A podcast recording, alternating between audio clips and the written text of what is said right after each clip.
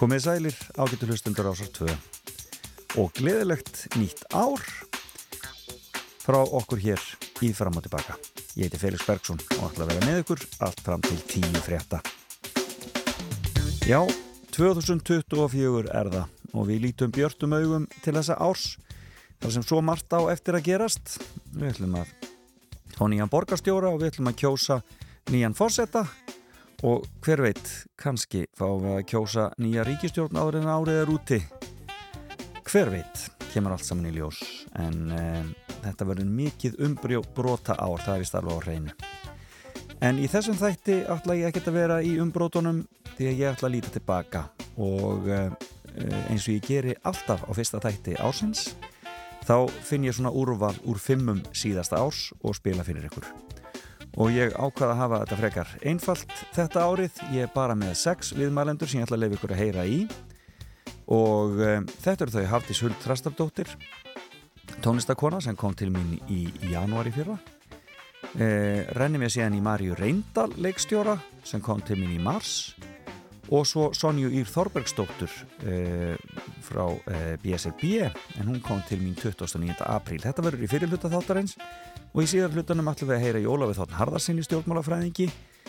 Og eftirlauna þega hann kom til mín korki meirinu minnan á 17. júni svo var það Rósa Magnúsdóttir líka háskólamaður sagfræðingur, professor í sagfræði hún kom til mín 27. ágúst.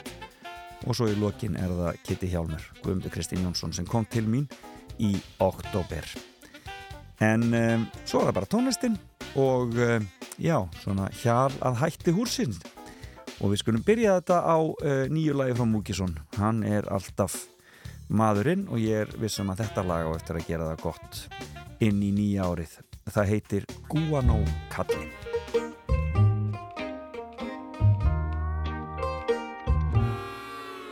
Það er ekkert mál að hætta.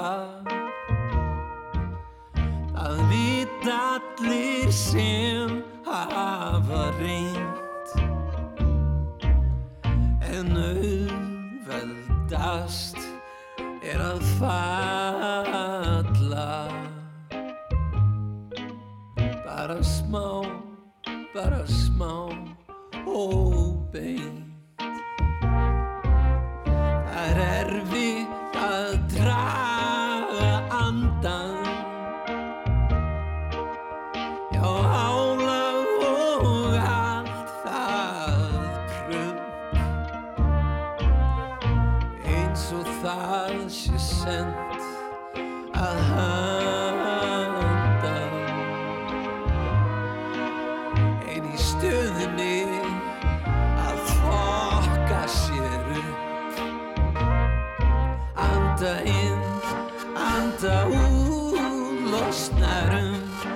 gamla nú.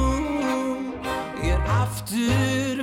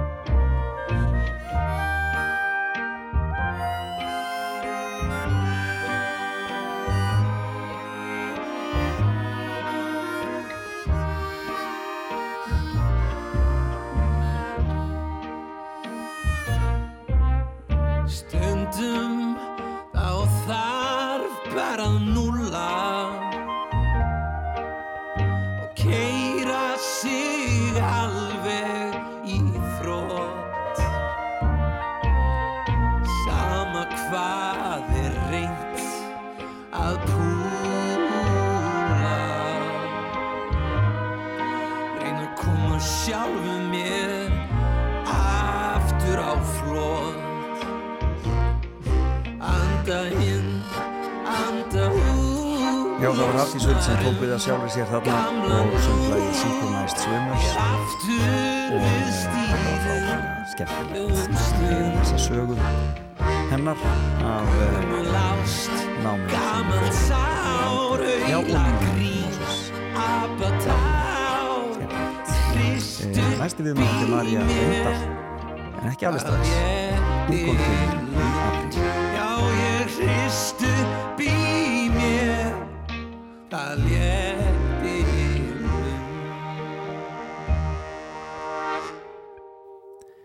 Þetta var Múkisson og frábært nýtt lag frá honum sem heitir Gúan og Kallin Ég býst við að það sé maðurinn sem er giftur Gúan og Stelpunni en það er annar mál. E, Það komið að haft þessu huld og e, áður en við byrjum að spjalla og rifjum upp spjallið sem við áttum hann 28. janúar þá skulum við heyra nýja læðinar sem er að spilast hjá okkur hér á Róst 2 það heitir einfallega Darkest Night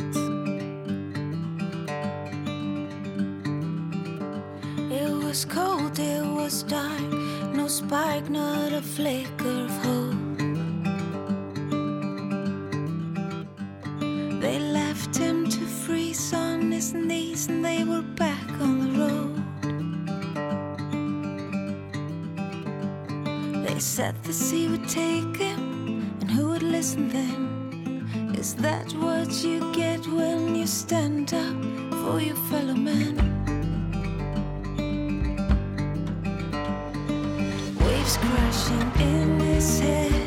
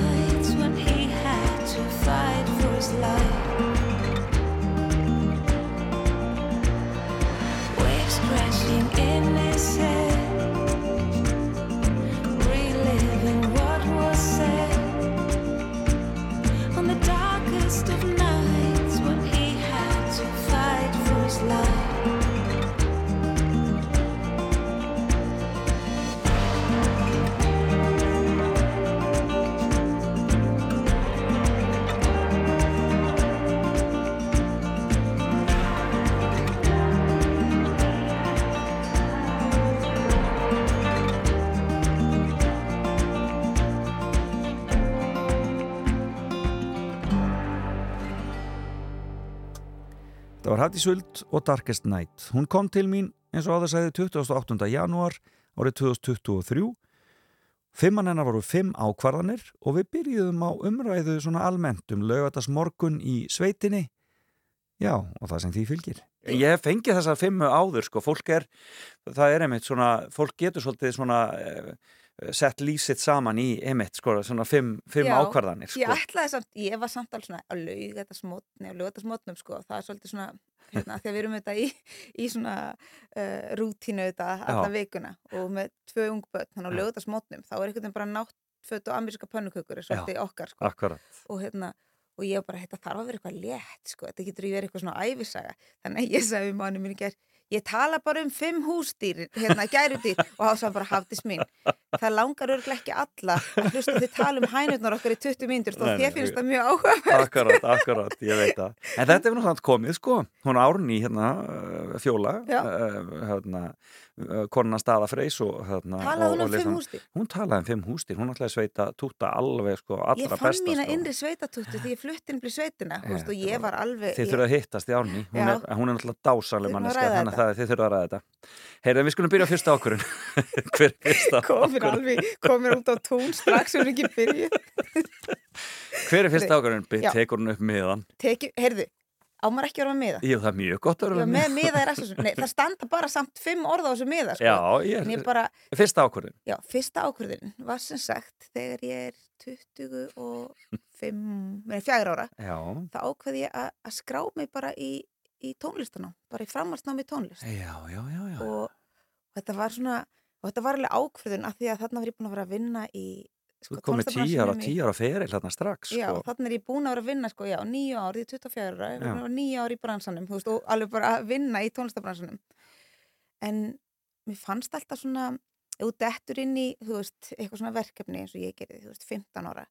Og svo þegar Guskus er búið, þá tekur strax við Efsika Húna sem var frábært, svona annað svona danstónlistaverkefni. Já, Og svo þegar koma því að gera mína sóluplötu, þá ég var búin að hitta held í tíu svona danstónlistapródúsera og það sáu bara allir fyrir sér og allir búin að ákveða hvað ég ætlaði að gera næst. já, einmitt. Ég var búin að fara veist, til LA og það voru allir bara já, ég, ég mitt, kæmi kannski með svolítið svona eins og hún Robin er að gera. Einmitt. Þetta- svona 90s plötu, svona. Já, bara lægi bara svo beint við að ég held áfram, eða bara í danstónlist. Akkurat, einmitt. Og ég var eitthvað að ræða þetta við mömmu og ég sagði, þú veist, mér finnst bara eins og ég hef ekki aldrei fengið tækifæri til þess að, þú veist, sem unglingur til að ákveða hvað mig langaði að gera í tónlist. Já, aldrei gefið mér þetta rými. Skildi. Og ég man alveg eftir að ræða þetta við umbóðsmann, því ég var alveg með umbóðsmann og plötu fyrirtæki á þessu tíma ég bara, Já, já. ég ætla að fara í tónlistarháskóla og allir bara eitthvað, "N- ha, já, já, ég sé ykkur bara eftir 2-3 ár Já, akkurat. og um, Og hvaða skóla fóstu í? London Center of Contemporary Music Já, já, já. og hérna, En varstu búin að læra á hljóðfæri áður? Sko, þegar þú kemur inn í. Guskus og þetta allt saman á sínum tíma, það er 15 ára, ertu þá með ég var búin að vera þetta bara, þú veist, í tónlistarskólanum, ég spilaði á flautu í mörg ár Já. og, og hérna, lærði gítar í eitt ár og trompet í eitt ár og eitthvað svona, svona, svolítið að reyna, svolítið að, reyna að finna mig í þessu. Já, uh, dett svo einhvern veginn, já, inn í guskus og, og þá fer þetta bara, þú veist, eitthvað svona ákveð ferli í gang. já, en varstu þá alltaf með hljóðfæri samt við höndina? Varstu, varstu að semja eitthvað? Nei, ekki, jú, ég var alveg að semja, en, en Og var þá píanóið það sem þú notaðir eða hvað? Aldrei, nei, ég hef aldrei spilað píanó, meira svona gítar, júkuleili, svona í, í, í þá áttina. Já. Og, en rosa mikið fyrir mig bara, það var alltaf allt byrjað með textum. Já, ég skil. Ég byrja, þú veist, ég byrja alla plötna mínar, þetta er allt sami eins og ljóð fyrst. Já, þetta eru sögur. sögur og Já. ég held að sé líka það sem að trublaði mig alltaf við, að því að það að hlusta bara okkur svona góðan takt og setja svo bara svona okkur flotta setningu og allir í góðan feeling, það er svo langt frá mínum karakter og því sem að ég hefði kannski, veist, ef ég hefði gefið mig tíma til þess að til þess að finna hvert ég vildi fara í tónlistinni þá hefði það byrjað á öðrum puntaði byrjað á, á sögum, Já, hvað vil ég ég skil, segja ég skil þig. og ég þess vegna hef ég einhvern veginn á mínu sólferli ég hef ekkert verið að syngja lög úst, eftir aðra því að mér skiptur svo miklu máli hvað ég er að syngja um, hvað ég er að segja Já. og þannig ég fer í, í tónlistanám og, og er að vinna sérst fyrstu blötur mína meðfram því Já. þar er ég bara að syngja jazz og blues og, og læra að semja kvikmyndatónlist og þú veist, gera ykkur hérna, kvikmyndaskor fyrir ykkur gamlar James Bond myndir og En hvernig fannst þér sko að eftir að hafa verið svona algjörl á fullu, þú veist, þú ert bara, bara hent út í atvinnumennsku, að allt í hérna taka þið út bara, einhvern veginn og, og bara, fannst það eiginlega bara rosalega gott og Já. mér svona að því líka þetta er kannski bara svona kapli sem ég fannst því svolítið að hafa mist af já, ég skil, ég skil. þegar vinið mínir voru allir í, í mentaskóla Já. þá var ég með, þú veist, frjálsa mætingu og var bara alltaf eitthvað tónleika út um allan heim og, einmitt. og mætti svona stundum svona, þú veist, úslega gaman að hitta alla en ég var einhvern veginn, þú veist, ég mist alveg afjátt miklu og ég einhvern veginn náði að upplifa En kláraði samt stúdinspróf eða svo leiðis? Nei, ég kláraði ekki, ég átti eftir starffræði Já, Eh, hérna, eftir, ég, ég eftir starffræði hala í, í stúdendin en Já. hérna sem betur fyrir þá þá fekk ég að taka uh, sérst, uh, tók bara inntökpróf og komst semst þannig að þeim var alveg saman um starffræðina hérna, ég spilaði fyrir nokkuð lög og, og, hérna, það voru það alveg rólegir. Já, buðið mér, pláss á staðinum þó að ég, hérna, þó að ég væri ekki best í starffræði. Það virti skipta minna máli þarna sem var þægilegt fyrir mig. Það er gott, En akkurat. hérna, En hvað mennskóla varst í? í með, mentaskólum í Kópói, Já, já, já. var að fó bara með öllum vinunum, sko. Ertu, ólstu þar upp? Já. Í kópáinu? Ég er úr Kópóinu Já, og hérna á, sérst, já, hvar, hvar í Kópavóinum? í Vesturbænum Já, og sérst, mamma og pappi ólust bæði upp í Vesturbænum kópaðinu já, og sko báðar, veist, ömmu mínur og afar báðu megin voru þar í Vesturbænum og þá frumbyggjar í rauninni. já, og öll sískinni mömmu veist, þannig að þetta var bara veist, það var bara öll ættin í Kópavói er náttúrulega svo ungur bær, það er svona, fólk er náttúrulega bara í rauninni að það er bara miðja síðustu öld eitthvað Já. neginn sem að Kópavói er að byggjast. þannig að ég fór bara í sama grunnskóla og, og hérna, þú veist, mamma og pappi og öll sískinni, mömmu og pappa hefðu farið í og, og ég hérna ég man eftir því þegar ég kem upp í unglingadeildina og segi kennari við mig því ég er mjög lík pappa mínum. Og mamma fylgdi mér svo settust inn og segi kennin já, ég segi að Júli og Þröstur hafi ekki hægt saman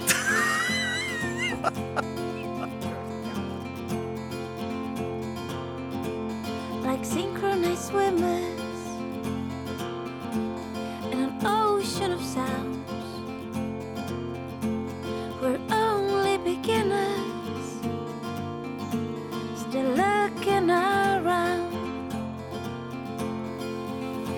It's a little bit deafening how my inner voice is shouting out. What a lovely mess through the days we walk. This liberating loneliness and how you never talk. It's a little bit deafening when my inner voice is shouting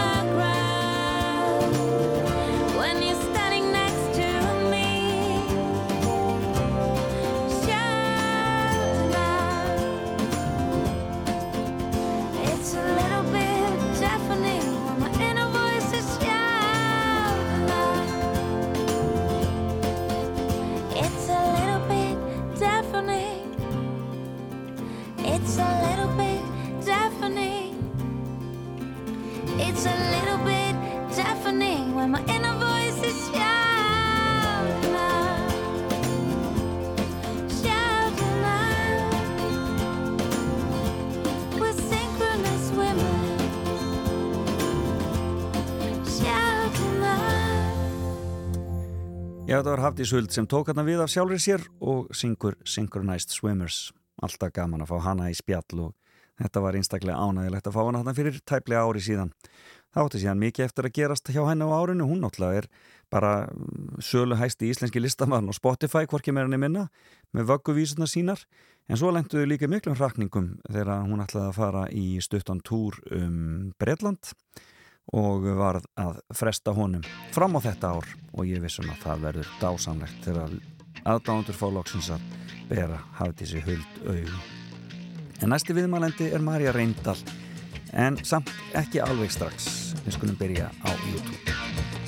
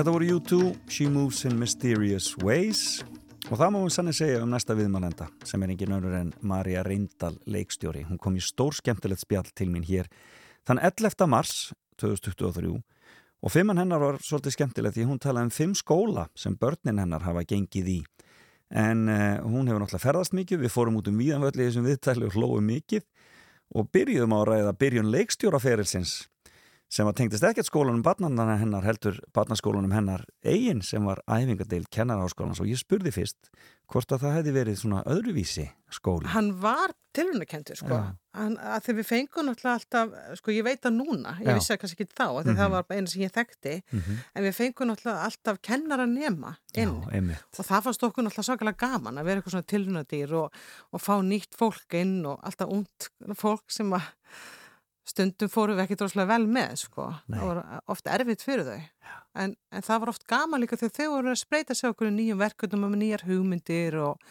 og svona, hann að ég man sérstaklega eftir að, að, að við gerðum eitthvað leikrit um hafnaverkamenn Já.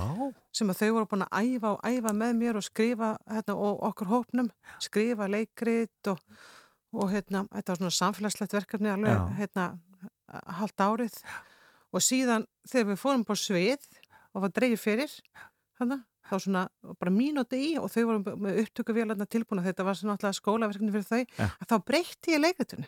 Og ég veit ekki af hverju, ég var bara svona átt ára. Og ég bara breytti sem ég átti svo leðilegt sem við höfum verið að gera og hafði ekkert að pæli því. Já. að mér finnst það leðilegt, fyrir á þessu stundu ég bara, nei, þetta er eitthvað, þetta er bara eitthvað leðilegt og bara var því bara svona sópa að borðinu og ég bara, heyrði, við ætlum að þessu við stóðum þarna fjögur Já. í þessu leikit fyrir aftansvið og ég bara, við ætlum að breyta þessu. Ég ætla, ég ætla, ég skal leika hafnaverka verðstjóra ég ætla að vera með hérna, myndilega og ég ætla bara að se- fylgið mér. Svo, svo bara dreigið frá. Já. og ég bara eitthvað, að takk ég þess að kassa á mig. Eitthvað, og þetta sló gegn.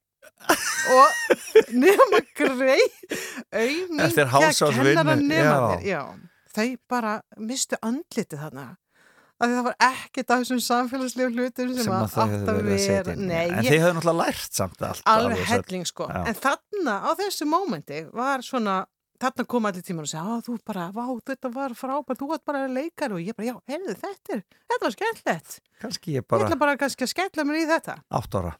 Já, eitthvað svo leys, áttar, ég held að áttar nýjara og hérna, en svo svona kannski, svo þegar ég búið með allt leikalistan námið, allt það hugsaði, ég, já, fatta, já, ég var náttúrulega kannski líka að leikstýra það, Auðvitað. en ekki Já, að já, þú stjórnar þessu með harðri hendi leika. Heldur betur, sko. Þú tókst bara skarið. Já, og þess að vita nokkuð hvað, eða veist, Og voru samnefndu bara alveg til í þetta? já, þetta, já, Já, þau bara fylgdu mér.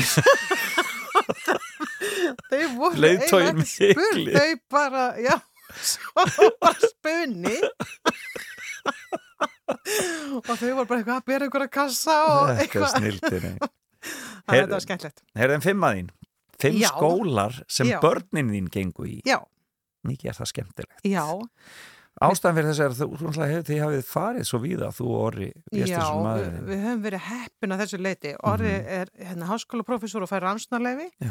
og er að skrifa og, og hérna, gera alls konar hérna, Rannsóknir. rannsóknir sem að, krefast þess að við fyrir út um allan heim Já. og svo er ég að hef ég farið meira út í svona skriftir síðustu ár og, Og- eiginlega kannski byrjaða, ég byrjaði að skrifa eiginlega stelpunar 2005 frá Nýjasjálandi þegar við erum í fyrsta skipti í rannsóknarleifi.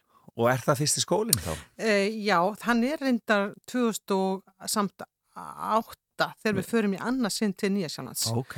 og skólinn sem er fyrsti skólinn er Point Chevalier School Ok. sem er í Auckland, borg og er sem sagt, skólinn sem við förum í fyrsta skipti með börnin okkar í, í útlöndum Ok.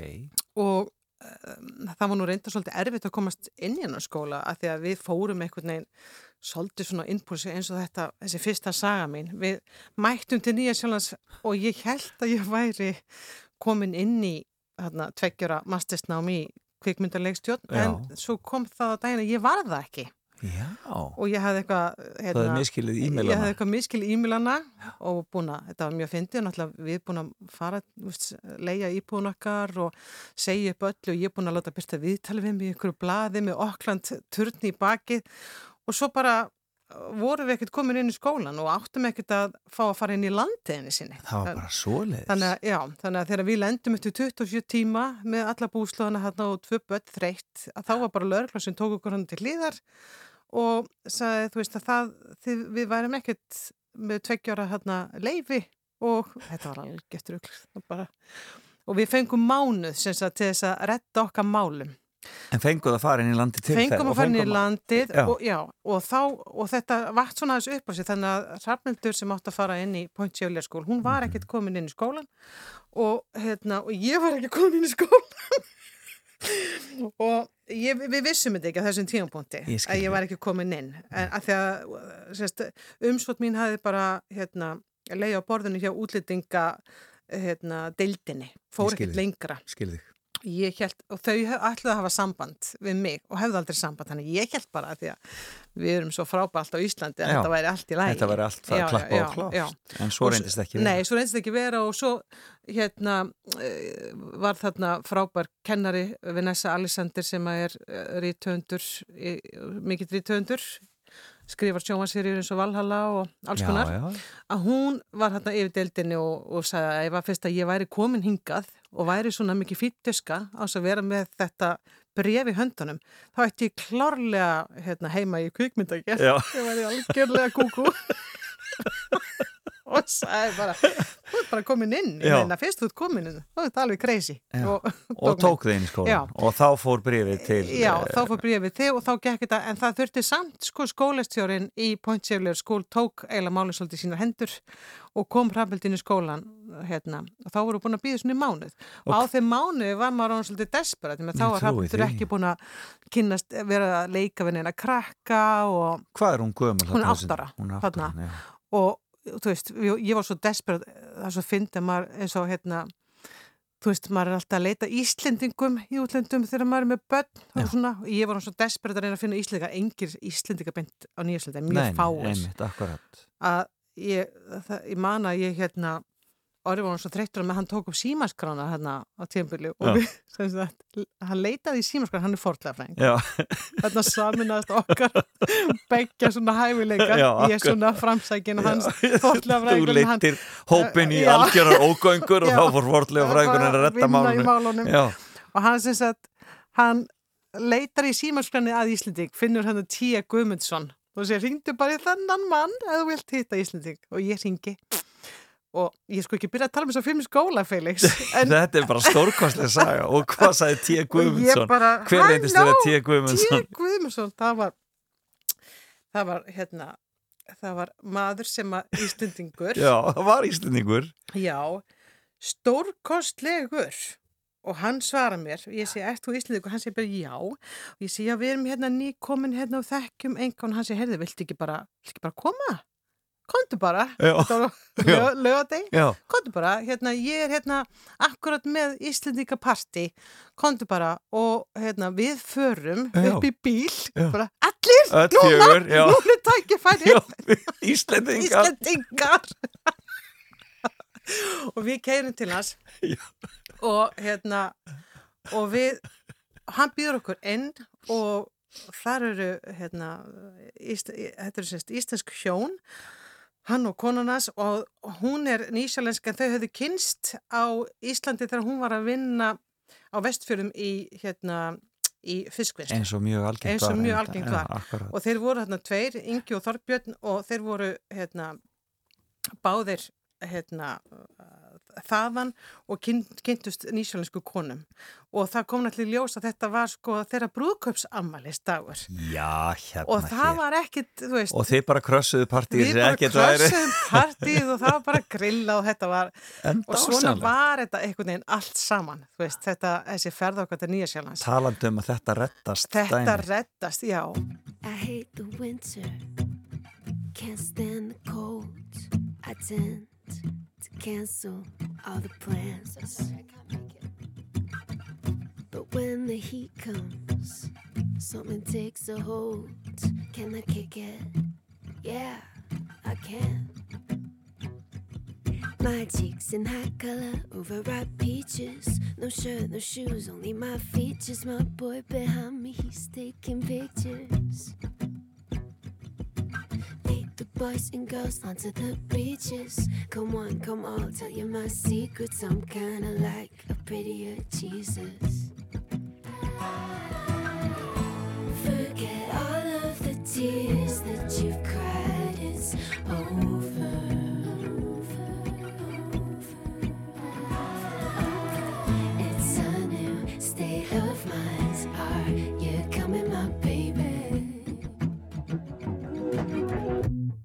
Acid green, aquamarine. The girls are dancing in the sand. And I throw my cellular device in the water. Can you reach me? No, you can't. my cheeks in hot color, overripe peaches. No shirt, no shoes, only my features. My boy behind he's taking pictures. He's taking pictures. Lead the boys and girls onto the beaches. Come on, come on, tell you my secrets. I'm kinda like a prettier Jesus.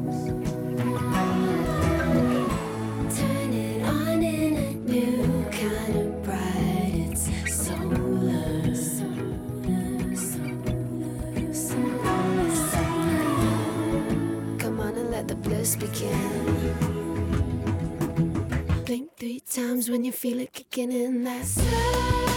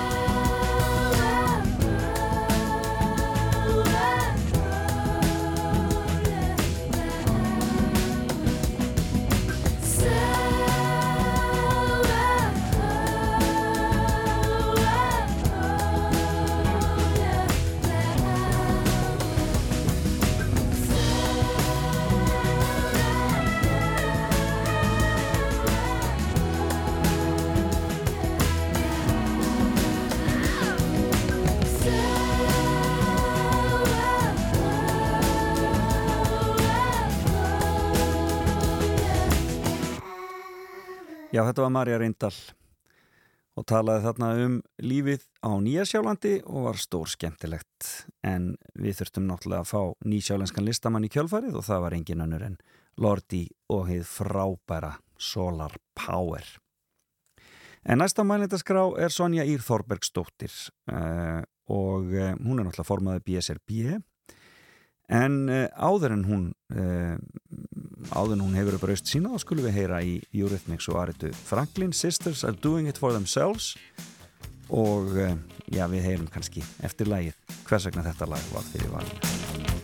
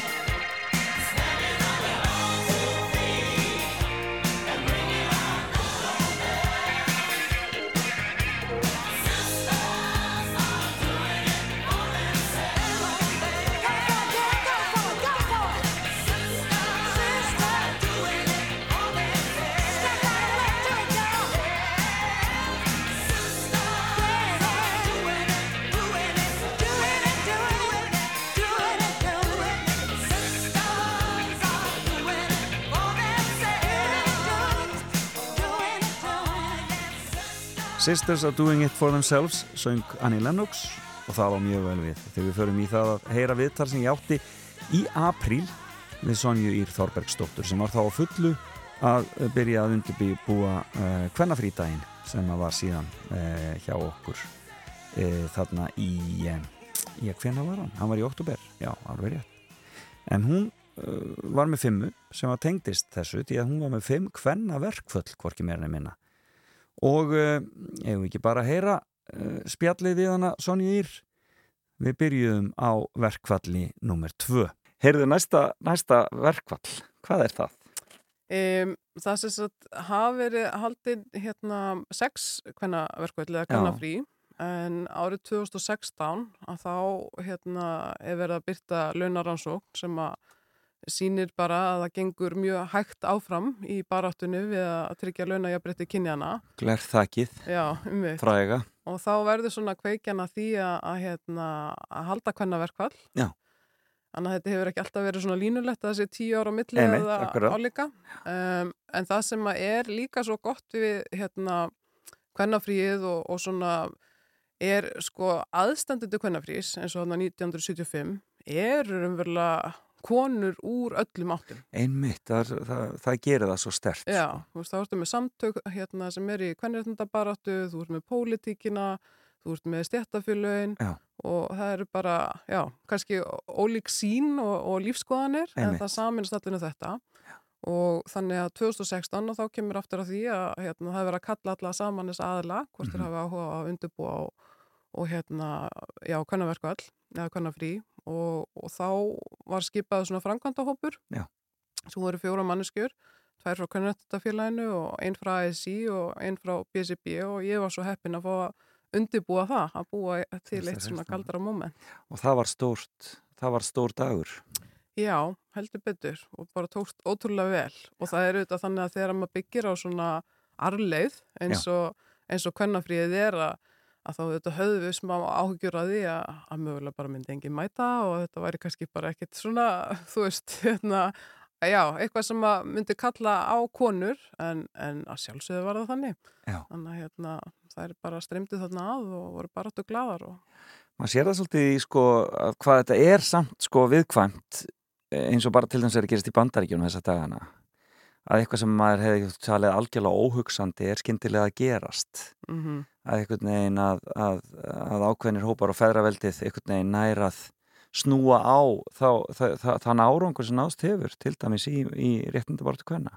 Já, og það er alltaf enginni mannréttindabaráttu er að maður alltaf að hafa í huga ekkert st- stendur í stað. Nei, og það þarf alltaf bæða að verja og sækja fram. Já, og það eru þetta mikið áhegju efni að konur eru áður ekki verið einn líkama Já. og það sé verið að snúa við hæstaréttadómi hérna í bandaríkjónum hvað það varðar e, við sjáum það líka, ég menna við horfum yfir heiminn allan að þá er ekki meiri hluti landa sem eru með líðræði og, og ég meina það fyrsta sem að svona einræðisherrar gera eru þetta að veikja mynd starfsemi stjættafila e, veikja réttindi kvenna og svo framvegis Já. og þess vegna held ég um líka að muna það þó að við kannski búum við ákveðin forréttindi hér Mhm. þá er ekki fullu jafnrétti náð en, en við erum líka fyrirmynd og það hefur verið stór hlut af mínu starfi og okkar hjá stjættafélunum og eins og kvenréttindafélaginu og svo framvegis Já. er að segja frá okkar baráttu aðferðum hvað árangri við höfum náð og svolítið að smita út frá sér.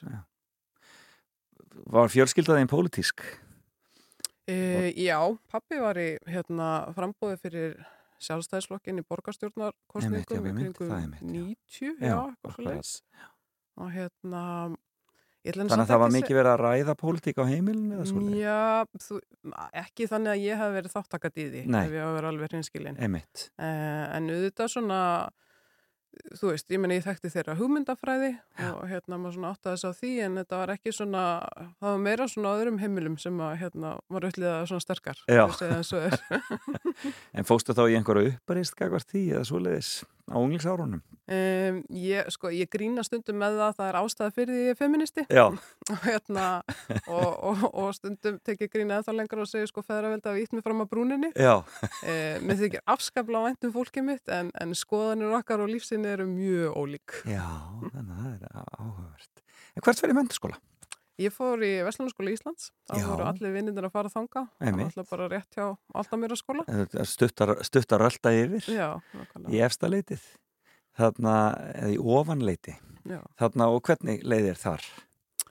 Ég á þessum tíma eins og, eins og ég var að nefna á hana þegar maður veit ekki hvað maður vil verða svo framvegis að ég, ég mér langaði alltaf miklu frekar að fara í eitthvað svona listnám. Já. þannig að ég var svona held ég einstinni svona frekar ósátt við þetta val að vera að koma á svona hálgert svona viðskipta skóla Mm Eh, En þarna eignaðist ég dýrmættan vinkonuhóp sem við erum ennþá í sambandi í dag og það er kannski þær minningar um félagslífið sem að standa eftir. Já, og svo lærir mann og ég mislega sem nýtist mann í Já, framhaldinu eins og í þínu starfi núna hlýtur að vera. Já.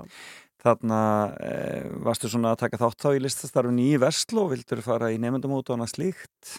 Nei, ég var meira, og þá er kannski meira að horfa hérna til þess að læra, þú veist, eins og prent eða Já, mála einmitt, eða já. teikna og svo Mm. var... Og það var nú lítið, það er nú lítið um það í Vestló, það Já. er bara eiginlega engi möguleikar þar. Og ég myndi sé það núna í gegnum dóttir mína sem er mentskólum í sund að Já. það er svona meira svigrum fyrir val sem er frábært, þannig að hún getur verið alls konar, hefur verið fatahönnun og leir og alls konar. Akkurat. Heyrðu þriðja verkvallið sem þú vilt minnast á? Já, þriðja er þá hvernafrið 2018 Já, þá er komin upp MeToo-bylgjan já, byrjar hérna 2017 og, og þá þótti það bara sjálfsagt og eðlilegt að að kalla þetta hvenna verkvæls eða hvenna frís Já.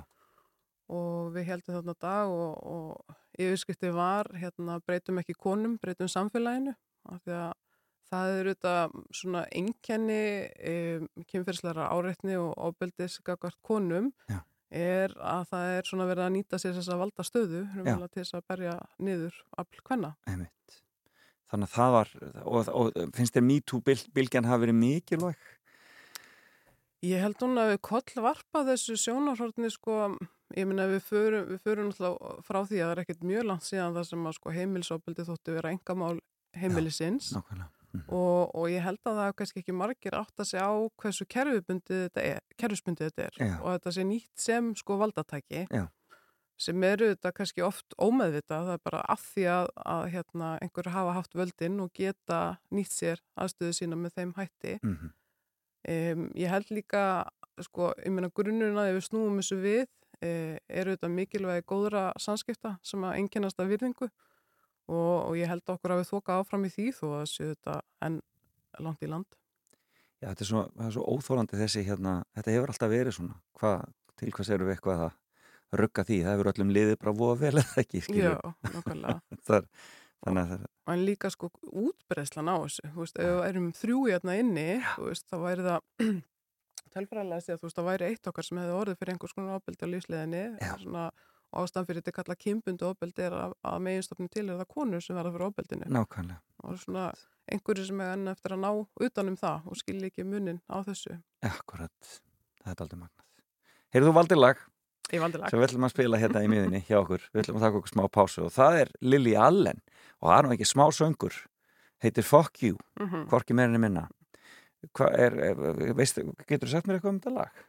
e, hún sem sagt gefur þetta út 2009 og segir þá að, að, að fjallum hérna, eða sé svona tilenga fólki sem sé með homofóbíu og þess vegna er þetta heiti lagsins. Já, og hérna og svo setna hefur hún e, sagt að lægið fjalli er umvel um rasisma og er þá að horfa til eins og þjóðverðnis hérna flokka, stjórnmálaflokka í Breitlandi en núna síðast í fyrra þá tilengaðan einmitt eða segði að lægi fjallaði um að geti vísa til sagt, rétt hvernig allar ráðið verið einn líkama þá út frá þungunarófsréttinu. það er allt í lýst, þannig að það er Þetta er svona baráttu lag en þetta er svona mjög svona líka ljúlegt lag þó að textin sé svona beittur þannig að þetta er, þetta er frábært lag til þess að syngja upp átt með alveg ofan og maga. mjög í anda Lily Allen, við skulum heyra Fuck You. Look inside, look inside your tiny mind, then look a bit harder. Cause we're so uninspired, so sick and tired of all the hatred you harbor. So you say it's not okay to be gay, well, I think you're just evil. You're just some racist who can't tie my laces. Your point of view is medieval.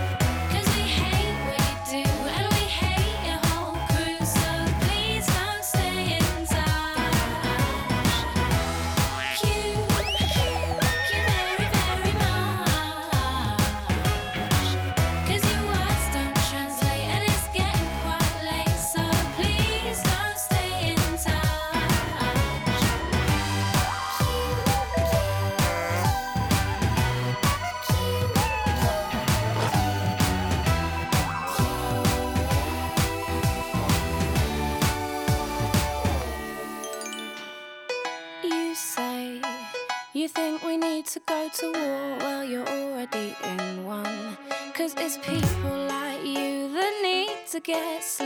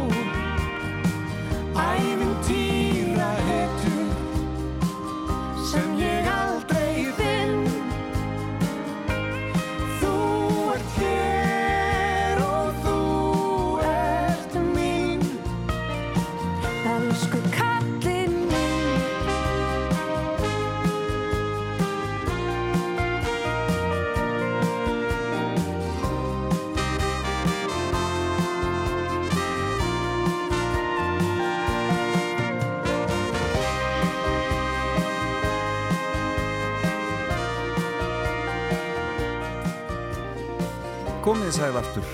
Þá höldum við áfram í þessum upprifuna þætti að fram og tilbaka hér á Rás 2. Ég heiti Felix Bergsson og er hér alla lögadagsmotna með ykkur. En um, í þessum fyrirluta þáttarins heyrðum við í þremur góðum konum. Við byrjuðum að hafa þessi huld sem var með fimmu sem að snýrast um ákvarðanir í lífi hennar e, og e, svo var það Marja Reyndal sem talaði um fimm skóla sem börnin hennar hafa gengið í og svo var það Sonja Ír Þorbergsdóttir sem fjallaði um verkvöld eða svona kvenna verkvöld eiginlega. Það var fimmann hennar. Já, en nú ætlum ég að gefa köllunum aðeins orðið og þeir verða tveir á þessum glukkutímanum. Fyrst Ólafur Þótt Harðarsson, stjórnmálafræðingur og svo uh, Guðmundur Kristinn Jónsson eða Kitti Hjálmur. Uh, þeir fá hann að láta ljósitt skína báðir og svo er það Rósa Magnúsdóttir sakfræðingur sem kemur líka við sögu. En við skulum byrja á að heyra í Langasel og skuggonum og uh, svo tekur Ólafur Þótt Harðarsson við. Hann kom til minnes á þess aðeins 17. júni og við heyrum af uh, fimm skólum sem hann var í. Grípum niður í Flensborgar skóla og af uh, Flensborgar ættinni. En það verður eftir að langi seli og skuggarnir eru búin að syngja OK sem er sannlega eitt af lögum ásins 2003.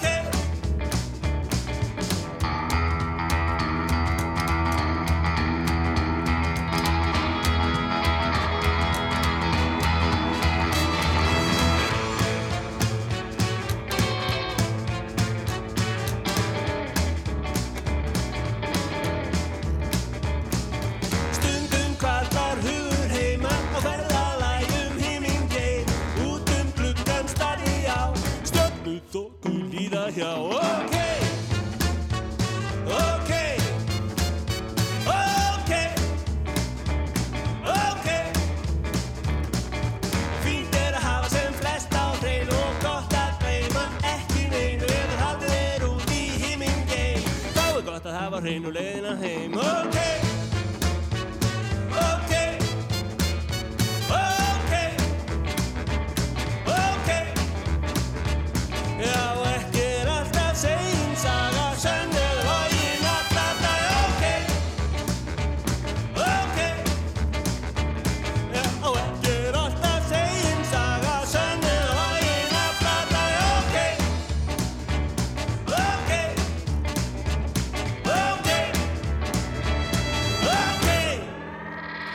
Heyrðu næsti skóli, Ólafur Þótt Harðarsson. Næsti skóli er svo Flensborgarskólin. Já, þú ferði í Flensborg. Ég fer í Flensborg, þá var Flensborg gaggræðaskóli og ég var þar þrjú ár í fyrsta öðrum og öðrum bekk og svo landsprófi. Já, og Flensborg er náttúrulega í rauninni að ímsan hátt sko minn merkilegasti skóli vegna þess að í Hafnarfriði er mín ætt. Já, gjarnan kölluð Flensborgar ættin, já, hvorki meira en minna. hvorki meira en í minna og auður royalty, eins og danst royalty bara.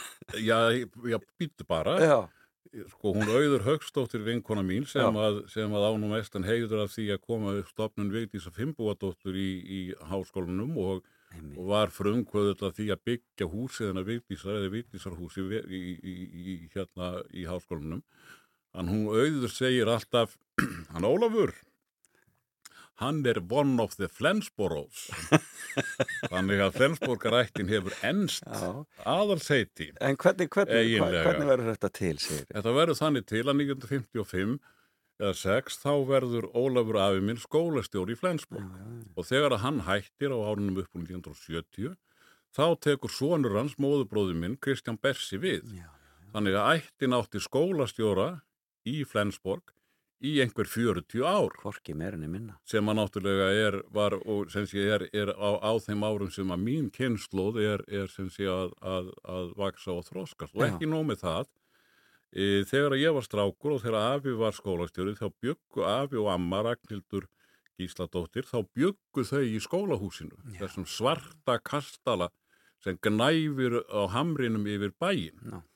Og e, þannig að ég var heimagangur alltaf í húsinu al, líka þegar ég var í barnaskólanu ég kom alltaf við þegar ég var að lappa heim, heim kom við hjá afa og ömmu það var nú aðalega til að geta lesið myndasögurnar í tímanum Já. sem afi kifti en ekki fæði minn Já, það mátti ekki kaupa það heima hjá þér. Já, það var nú kannski bara, efnin voru ekki meira en Já. svo að kennarlaunin voru nú ekkert mjög háð þá Nei. og það var barnafjöldi og móði mín var ekki útivinnandi á þeim tíma þó hún yrði það, það síðar. Já.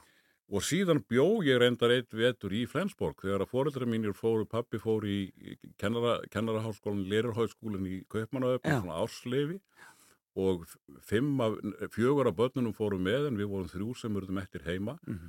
og ég bjóð þann vetur í, í sjálfu Flensborgarhúsinu á Hamrinu e, hjá af og ömmu Já. og e, e, hef þá sem sé búið beinlínis í húsinu og skólanum sem ættin er kend við. Þannig að þú varst bara, e- varst e, sannur flensborgari þar og þá bara. algjörlega sannur flensborgari og þar maður náttúrulega þekkti húsið út og inn. Það voru líka jóla, skemmtanirnar voru eða jóla samkomurnar á, á jóladag voru haldnar hjá af og ömmu í Flensborg og þá gátum við krakkarnir farið fram á gangana og hlaupið og, og, og haft rosalega gaman í þessu stóra húsi. Já, akkurat. og aðalmáli var þegar ég fór með þau, þau voru yngri eiginlega öll heldur en ég, ég fór með þau í stofu tíu og sagði þeim nú ætla ég að sína ykkur svolítið merkilegt og opnaði skáp og í skápnum var beinagrind. Já. Ekki, beinagrind, ekki nefnilega plastbeinagrind eins og stundum var notið við kjenslu, ekta beinagrind. Og afi saði mér, já, ég held nú að þetta, mér er nú sagt að þetta sé sænskur maður. Eriksson held ég að hann hafi heitið. Þetta var indislegt. Já, og, sískinni þín hafi ekki sofið í marga nætur og eftir. Nei, nei, Nei. nákvæmlega. Þetta var nú fallegt, þetta var nú fallegt að þeir Óli. Sískinni og frændfólk. Já, sískinni, akkurat. En þeir voru svona mörg sískinni. Já, við vorum sjö. Við vorum sjö. En það var þessi ári í Flensborg voru mjög góð. Ég var gríðarlega heppin með kennara. Já. Það er meðal annars besta starfræðikennara sem ég hef haft, Þórun Andrjússon. Mhm. Kristján Bessi kendi mér sögu, frábær kennari. Jóhannes Sæmundsson kendi mér líka sögu. Hann var reyndar svo lengi við, við hérna mennskólan í Reykjavík, kendi leikvimi og þjálfaði.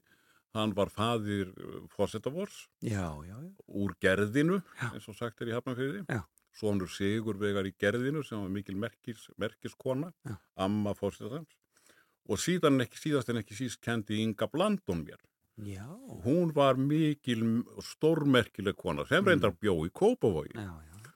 Og uh, Inga var bæðir frábær kennari en hún var líka á kafi í félagslífinu og hún let mig til dæmis alltaf leika á ásáttíðum sem að var, var mjög skemmtilegt. En Maður hugsar til Átna Blandon, er það, er það, Ég kann ekki, það, kann það, ekki að hann er allavega ekki sonur, hann Nei, er ekki sonur þeirra, Nei. en það er mjög líklegt að, að, það, það geti tengst, sko. Einmitt, svo... Ég bara, ég bara kann það ekki alveg. Akkurat. En hún lét En- ykkur leika?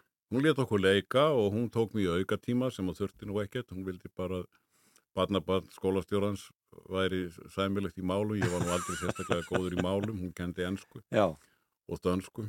E, en, en, en já, hún let mig, let mig leika og, og það var nú reyndar ekki nóg með að afi væri skólastjóri heldur var fadir minn þegar ég var í skólinu var hann yfirkennari já, já. já. Það var nú stundum ekkit sérstaklega þægilegt. Nei. En faði minn var líka á kafi í félagslífinu af- og, og hafði til dæmis mikið að gera með stórmerkilegar ársáttíðir sem voru haldnar í, í Flensborg og uh, þar áttu nú margir sín fyrstu spór í leiklistinni. Dæmið um það er Sigurður Sigur Jónsson, Siggi Sigur Jóns sem að, sem að, sem að hérna er náttúrulega alvöru hapfyrðingur uh, og uh, hann sem sé brilleraði í, í, í, í, í, í síningu í leiksýningu í, í Flensborg. En, en, en og reyndar, reyndar, reyndar til viðbóta sko, ef vil ég nefna að, að það voru sérstök tengsl milli Flensborgarskóla á þessum árum og hljóma í Keflavík. Nú,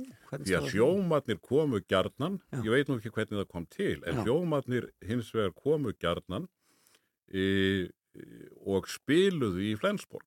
Til dæmis á ársáttíðum og, og, og á einhverjum skólabörlum líka.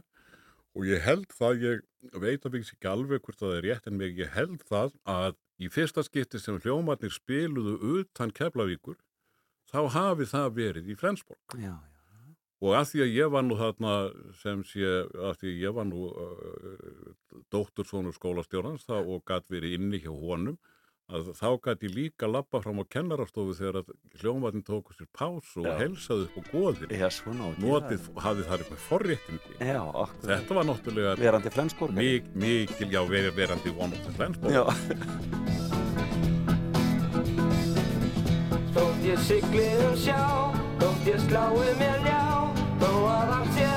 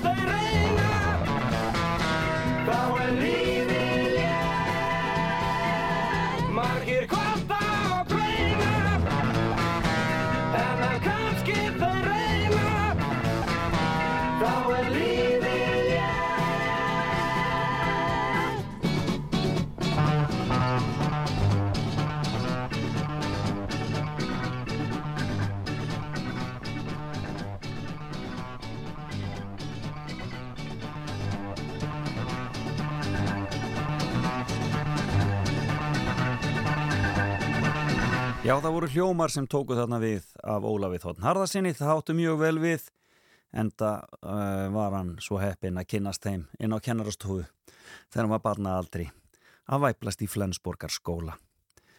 Flensborgar ættin kom þarna við sögu, þetta var skemmtilegt. Eh, en eh, næst á mælendaskrá er Rósa Magnúsdóttir, sagfræðingur, sem vakti heilmikla aðtikli á árinu fyrir skelegar útskýringar á því sem er að gerast í Rúslandi. Hún er Rúslands sérfræðingur mikill og uh, það var einstaklega ánægilegt að fá hana í fimmu hér í fram og tilbaka. En uh, Rósa uh, talaði um fimm staði, enda hefur hún búið víða um heiminn, er gift erlendum manni og hefur búið með honum, hann er þjóðverið, þau hafa búið í Danmörku og svo framvegis og svo framvegis og svo náttúrulega er hún mikill Rúslands eh, sérfræðingur hefur verið þar og svo er líka auðvitað í bandaríkjunum þannig að það er svona frá, var frá ýmsu að segja. En eh, við eh, ræðum um Rúsland og eh, hvernig hún kynntist Rúslandi byrjuðum á lægi með eh, já, eitthvað, eitthvað vola skemmtilegt, ég man ekki hvað það er en það kemur í ljós. Og svo byrjum við Rósa að spjalla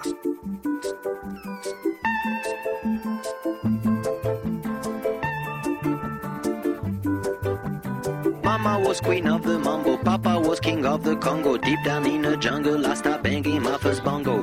Every monkey like to be in my place instead of me, cause I'm the king of bongo, baby. I'm the king of bongo bong. I went to the big town where there is a lot of sound. From the jungle to the city, looking for a bigger crown. So I play my boogie for the people of big city, but they don't go crazy when I'm banging on my boogie. I'm the King of the bongo,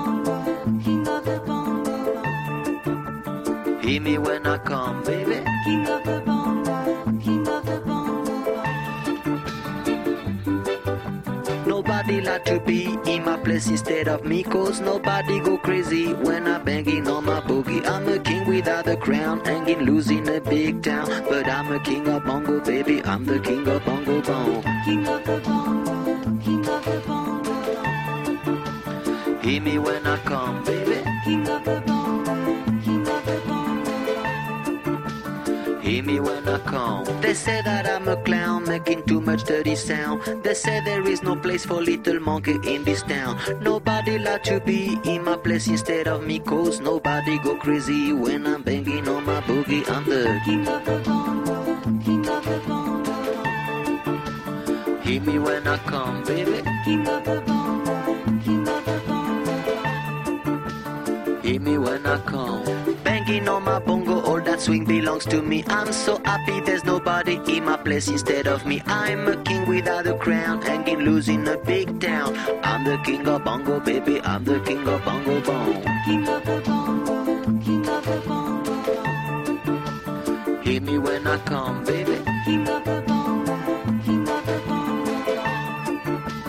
Hear me when I come. Mama was queen of the mambo, Papa was king of the Congo. Deep down in the jungle, I start banging my first bongo.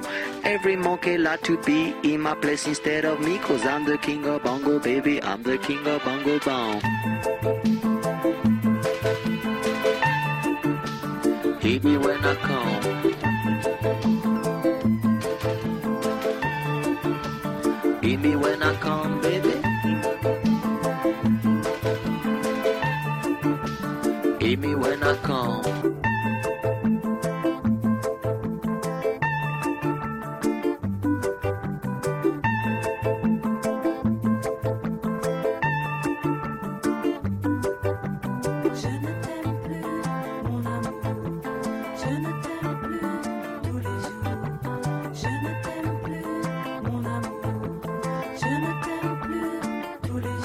Jours. Þetta Manu Chao og Bongo Bong og þetta er valviðmælanda míns í dag í fram og tilbaka. Hún heitir Rósa Magnúsdóttir og er já, Rúslands sérfræðingur, sagfræðingur og professor og sérhæfi sig í e, sögur Rúslands. E, við erum búin að vera með því í Mannheim núna og þar áður í e, Chapel Hill og Breiðholtinu. Erum við ekki á leiðinu til Rúslands? Jú, það einmitt var hluti af dottorsnáminu að kynnast Rúslandi Já. og læra rúsnesku þannig að fyrstu kynni mín af Rúslandi voru í Pétursborg Já. yfir sumatíman Já. sem var alveg dásalegt. Þar þar var ég bara í tungumálanámi og Já. hérna í leikusum og tónleikum og kynntist líka nætulífinu mjög vel Já. í Pétursborg, geta alveg sagt það og það var mjög skemmtilegt. Svo fór ég sem sagt til Moskvu í fyrsta skiptið árið 2002. Ok. Það er mjög eftirminnilegt. Eh, Ég kom þangað og átt að fara að kynnast skjálasöfnunum að byrja og, og gerði það. En, en sko fyrstu kynni mín af Moskvu voru á þá vegu að ég hafi leikt herbergi hjá hérna, fullorðinu konu eins og mjög algengt var Mhm. á þessum tíma og þar leiði ég þetta herbergi með alveg heilum her af músum Já. sem að mér brá svolítið Já. við að sjá þær hérna fyrsta kvöldið og, og henni fannst nú ekkert mikið til þess koma að það væri nokkri músar ungar í hérna, herbygginu en, en ég hérna borgar stelpan úr hérna, breiðoltunum, ég fannst þetta ekki mjög skemmtilegt Nei. þannig að ég flutti til annarar eh, fullorðinar konu í herbergi og, og átti þar nú, hérna, það voru enga mís var allavega í herbygginu Nei. En þetta var sagt hausti sem að uh, Nordost leikús gíslatakan átti sér stað. Oh. Þannig að ég var í Moskvu þegar að þarna, hvað, þetta voru 800-900 mann sem voru þarna, teknið sem gíslar af tjenskum hriðiverkamönnum í leikúsinu og fylgdist vel með. Þannig að það, það, ég man bara ennþá eftir þessu hausti sem svona, þetta, þetta var erfitt haust. Úrverður þetta hræðilega stríð í Tjetsni eða ekki í Jú. kjölfarað á því eða hvað? Jú, og svo voru þessar hriðiverka ára sér á Moskvu áframhaldandin, þannig að næst þegar ég var og ég var eiginlega lengst í Moskvu veturinn 2003-2004 Já. og þá voru sagt, árásir á neðanera lestina sem að maður notaði nú Einmitt. einasta degi í Moskvu. Þannig að ég man alltaf svolítið eftir því að það var svona svolítið ónota tilfinning en auðvitað verðum að bara halda áfram að- og hérna, ferðast og auðvitað, við þekkjum þetta náttúrulega víðar en bara í Moskvu að það er hægt að forðast svona staði en að ég, Moskva, og ég var kannski heppin þegar ég var aðna í Moskva ára 2003-2004, það er þessi hefð fyrir okkur sem erum í Rúslandsögunni að vera alveg heilt ár Já. í skjálasöfnum til þess að hérna, vinna að doktorsverkefni. Og flestir sem kom frá bandaríkjunum voru þar alveg í ár, fóru bara ekkert heim. En af því ég hafði þessa tengingu við Mannheim að þá fór ég alltaf reglulega til Mannheim, Já, svona kannski skil. á tveggja mánuða fresti. Þá fór ég í svona smá frí til Mannheim og manna mér leið alltaf eins og ég var að koma til framtíðarinnar. Já. Þegar ég, já, bara hérna, lestar samgöngur og svona, það var alveg aðeins öðruvísi. Já. Þó að þetta hefði mikið verið búið að gerast í Rúslandi að þá bara er Moskva svo gríðarlega stór borg að það gæti stundum verið svolítið yfirfyrmandi Einmitt. að vera þar og ég var auðvitað bara á eigin vegum, ég var þarna einin auðvitað með hérna fullt af bæði félögum frá bandaríkjunum og svo þeim sem ég hafði kynst í Rúslandi.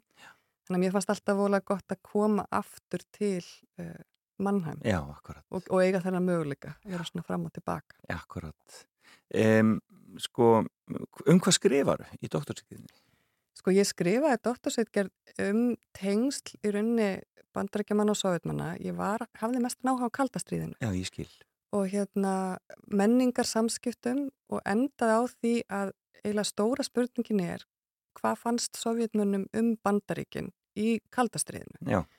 Og það er eiginlega svolítið ótrúlegt að þetta er eiginlega sama spurningin við erum alltaf að spurja núna um Rúsland. Þess að hvað finnst þeim í alvörinu um vestrið? Já. að því við fáum bara að vita að það er þessi rosalega sterkki áróður og í kaldastriðinu og þá var bandreikin voru óvinnur númer eitt Með mitt. og það var bara glæpsamlegt að tjá sig á jákvæðan hátt um bandreikin í Sovjetríkunum. Fólk endaði bara í gúlaginu í tíu ár eða hafði svo mikið sem hlustað á bandariskar útafsendingar. Það var bara svoleiðis, já. Þannig að, þannig að ég fór að reyna að hugsa en, en ég meina fannst fólk þetta í alvörunni Já. eða er þetta bara allt saman áróður og hugmyndafræði. Og það er rosalega erfitt, bæði þá og í dag, að reyna að skilja hvað fólk í allræðisríki finnst í alvörunni. Akkurat. Því að það er mjög lítið að marka skoðanakannanir, því að ef þú átt á hættu, þá eins og nú, að fara á mótmæla viðríkjandi skoðunum, Já. að þú endur kannski bara í fangelsi 10-15 ár eins og viðlögin eru í dag, til Mhm. dæmis, að þá er fólk ekkert endilega að segja hvað þeim finnst í alvörunni.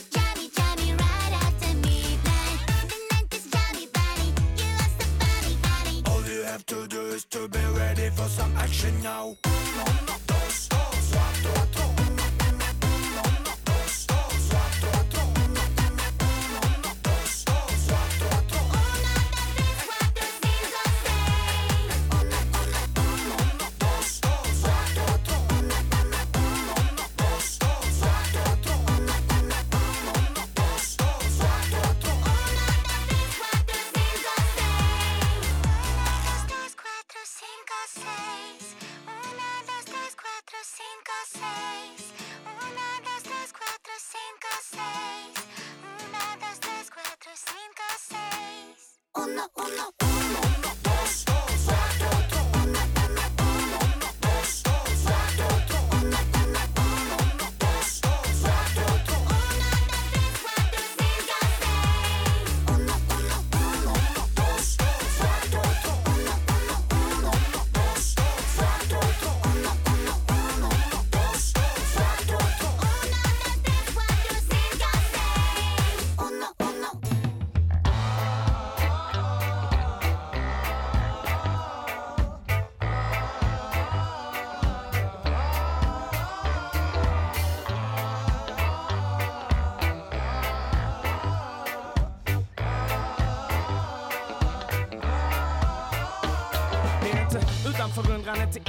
inget att jag stirrat i blindhet, inte kunnat stilla mitt sinne. Det är som att brinna inne, som att pisa i vinden. Det kan vara svårt att haja att det man missar försvinner, men jag kan inte vänta längre. Men jag är för kass på det, så jag hänger på låset och så ofta förhastar mig. Jag har hört att ögonblicket inte väntar för nåt Som du kliar i mitt finger vill ju sätta igång. Jag har damp, ADHD hopplöshet. Och försöker inte drabbas av tröstlöshet. Och försöker inte slita min röst ut helt. Och samma gamla spår är ju nött ut helt. Och hållet så jag håller ögat på bollen. Sikta högt för jag vill promenera bland molnen. Och det går fan ta mig vägen visst bara man vill. Men jag kan inte tygla mig längre, kan inte vara still. Nej!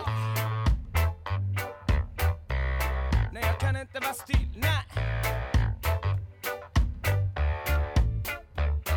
Så i tid och otid, efter gång har pendlat mellan svagheter och hålla det strångt och har i mångt och mycket alltid varit på språng och har i långa stycken varit fången inifrån. Nu vill jag byta ut, byta upp och bita av. Slita det med hälsa medan tiden än är kvar. Jag måste påminna mig själv om det inte händer idag så får jag hinna ikväll. Du vet att eldarna brinner varje dag.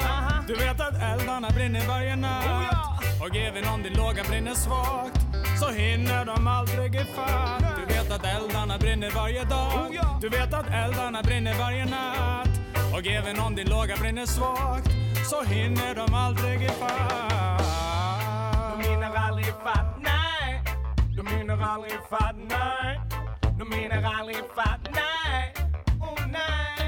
Jag får sluta upp och sluta, jag får starta med. Och det får trilla som det faller om det rasar ner. Får skratta bäst till sist om jag bara ler. Jag har för mycket glöd, det passar för att spara det jag har. Stångat mig blodigt och jag fångat förnuftet. Har ofta krånglat till det, har ångrat mig buttert Har boxat i luften och byggt det på kvicksand. Haft upp på axeln, betongblock i fickan. Men icke ska väl de små tingen tynga med tätt. Jag hinner ju lätt även om det är imperfekt. Jag menar lite övertygelse kommer man långt med. Jag snabbar upp stegen, jag går ingen omväg.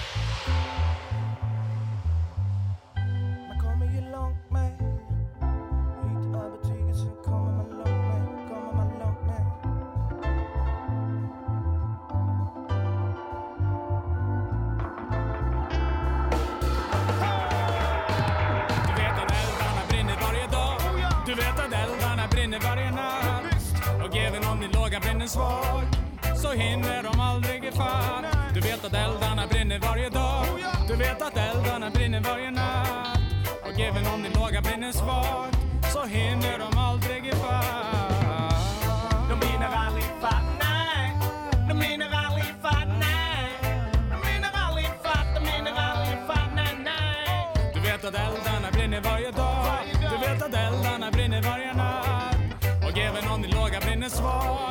Så hinner de aldrig ifatt Du vet att eldarna brinner varje dag. Du vet att eldarna brinner varje natt. Och även om din låga brinner svag Så hinner de aldrig ifatt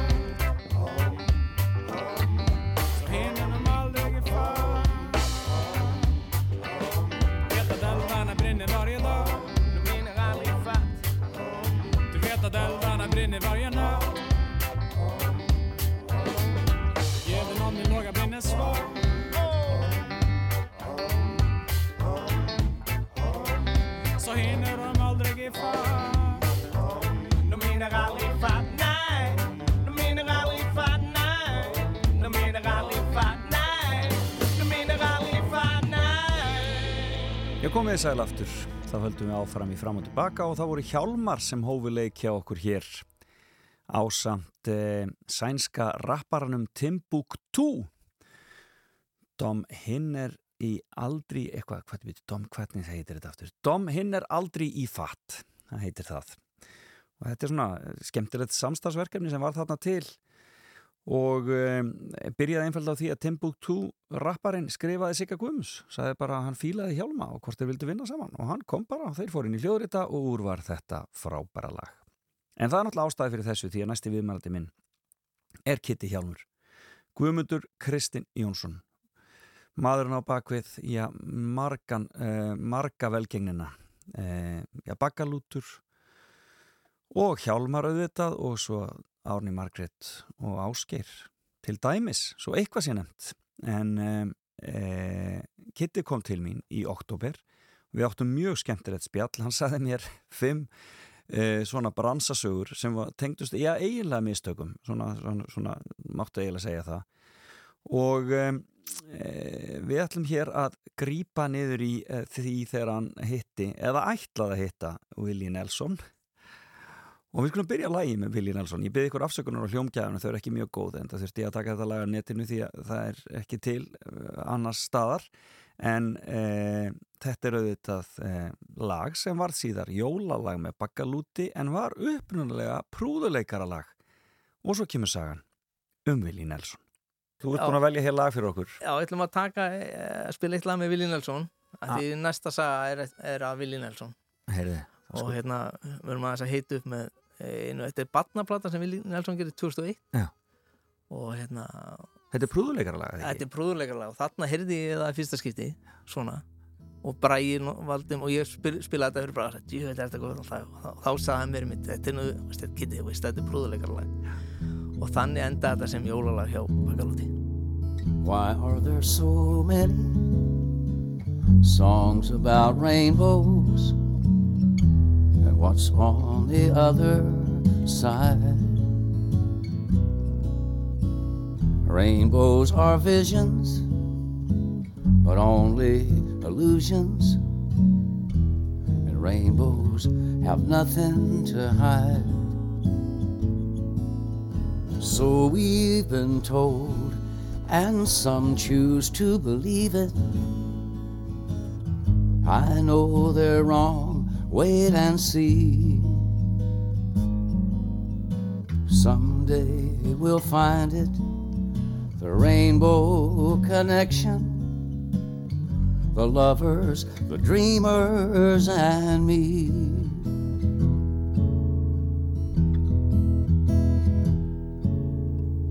Who said that every wish would be heard and answered when wished on the morning star. Somebody thought of that, and someone believed it. Look what it's done so far. And what's so amazing that keeps us stargazing? And what do you think we might see?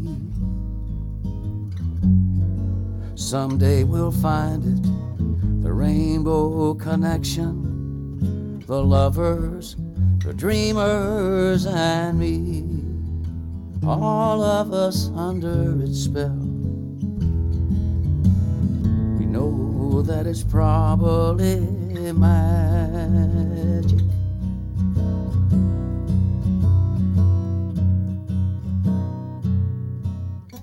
Have you been half asleep? And have you heard voices? I've heard them calling my name. Is this the sweet sound that calls the young sailors? The voice might be one in the same. I've heard it too many times to ignore it. It's something that I'm supposed to be. Someday we'll find it the rainbow connection, the lovers, the dreamers, and me.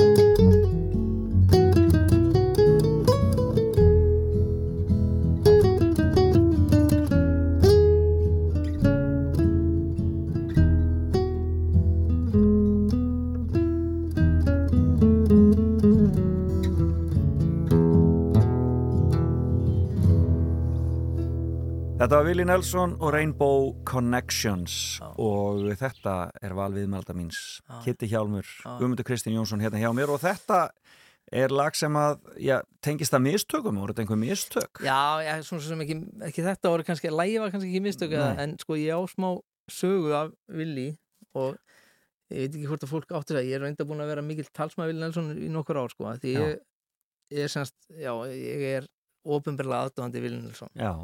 Og hef verið að sapna plötum og, og hérna og ég tók mér sem er þess að til um daginn og fann lista, hann er heldur búin að gefa næst í 100 plötur sko.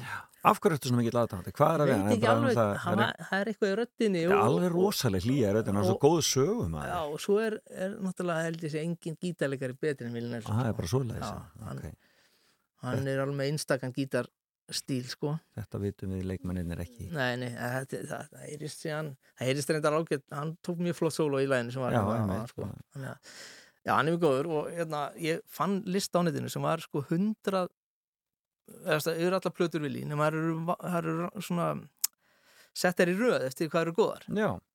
Og ég ákvað að byrja alla mótna á því að hlusta á einu plötu og byrja bara vestu. Og svo spurðist þetta út og fólk var að fara að koma í kaffitímin í hljóður Já. til að tekka á hvað plötu ég væri og, og sjá hvar við værum í þessu. sko. Og þetta var alveg mjög skemmtilegt svona framanna meðan að plötuna voru alveg svona einhvern veginn það geta verið alveg rosalega akkurat en svo er náttúrulega þessar bestu alveg geggaðar sko. Mhm. þannig að ég er búin að fara svolítið mikið inn í, inn í Willi Nelson heiminn sko.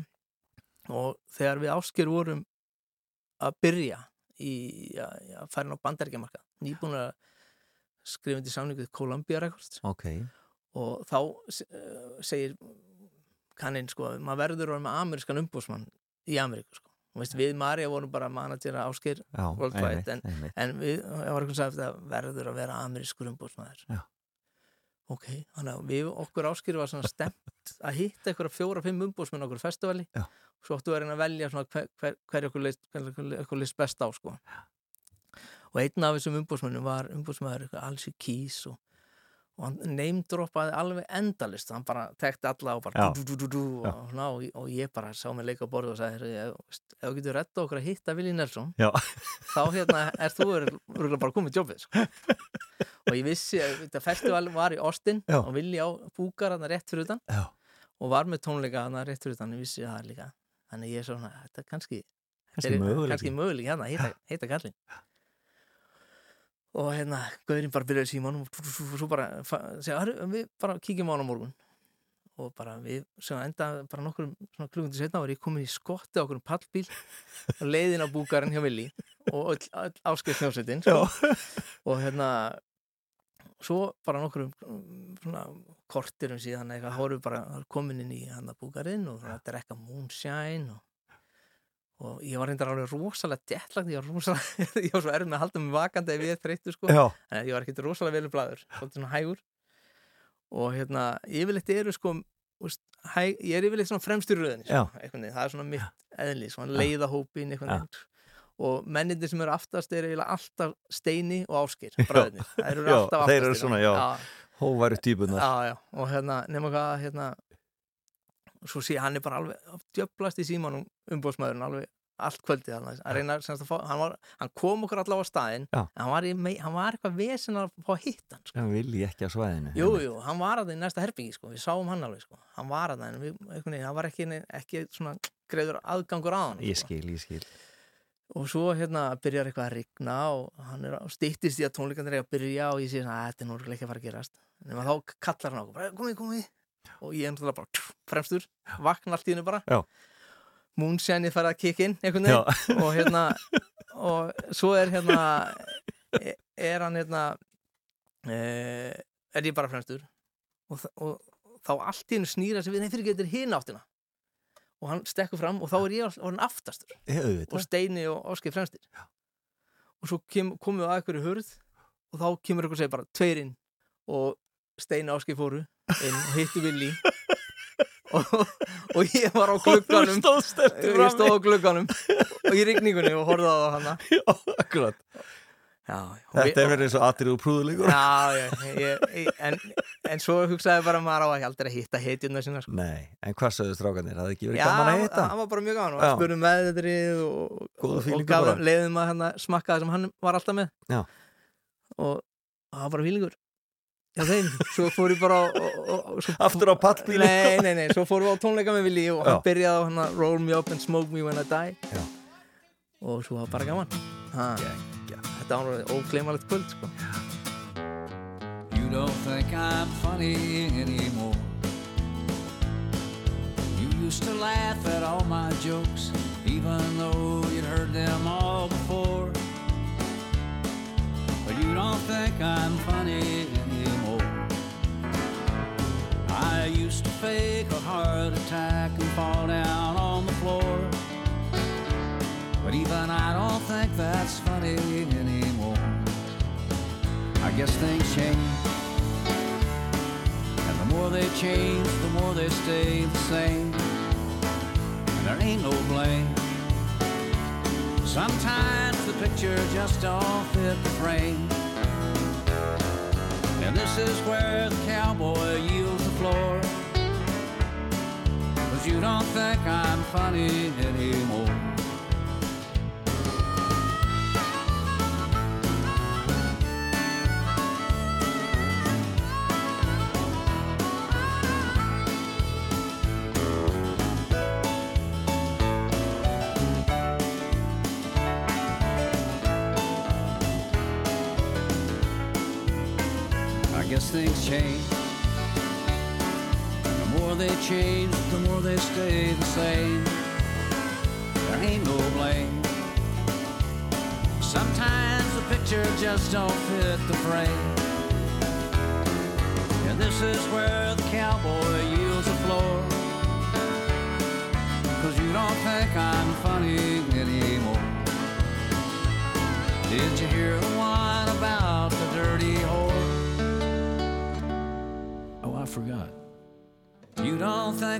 Funny anymore.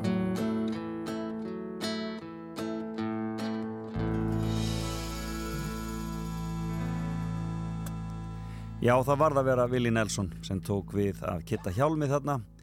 Ég fann að vísu ekki þetta lag, Roll Me Up and Smoke Me, eh, When I'm Dead eða When I'm Gone, en eh, ég fann annað skemmtilegt, alltaf góður.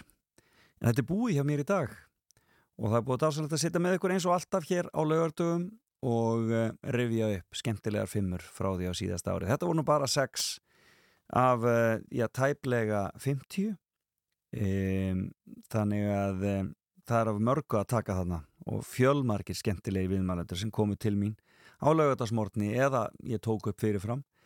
Og um, þið getur skoðað alla þessa þætti, fundið alla þessa fimmur á hlaðvarpsveitum e, og e, þar getið þið heyrt þessi viðtöl ef þið viljið, nóg er af þeim og e, mikill listi þarna inni. Þátturinn heitir sannast fram og tilbaka. Ég heiti Felix Bergsson og ég þakka þeim sem voru með mér í dag. Hafdís Huld, Marja Reyndal Sonja Ír Þorbergsdóttir Ólaf Þátn Harðarsson, Rósa Magnúsdóttir og Guðmundur Kristín Jónsson. Við skulum enda þetta á Árnýju og Ásgeiri. Lag úr já, smiðju kitta og þeirra. E, það er lag sem að heitir Part of Me. Felix Bergsson Kveður, takk fyrir í dag og heyrumst aftur eftir viku. Bless bless.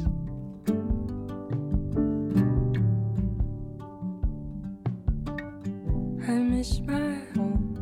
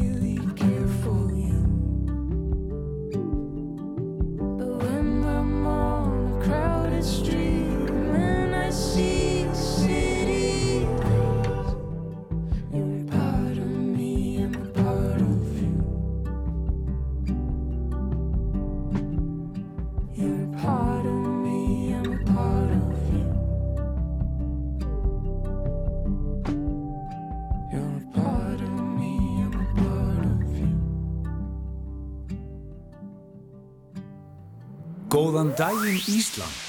Fram og tilbaka á Rástvö.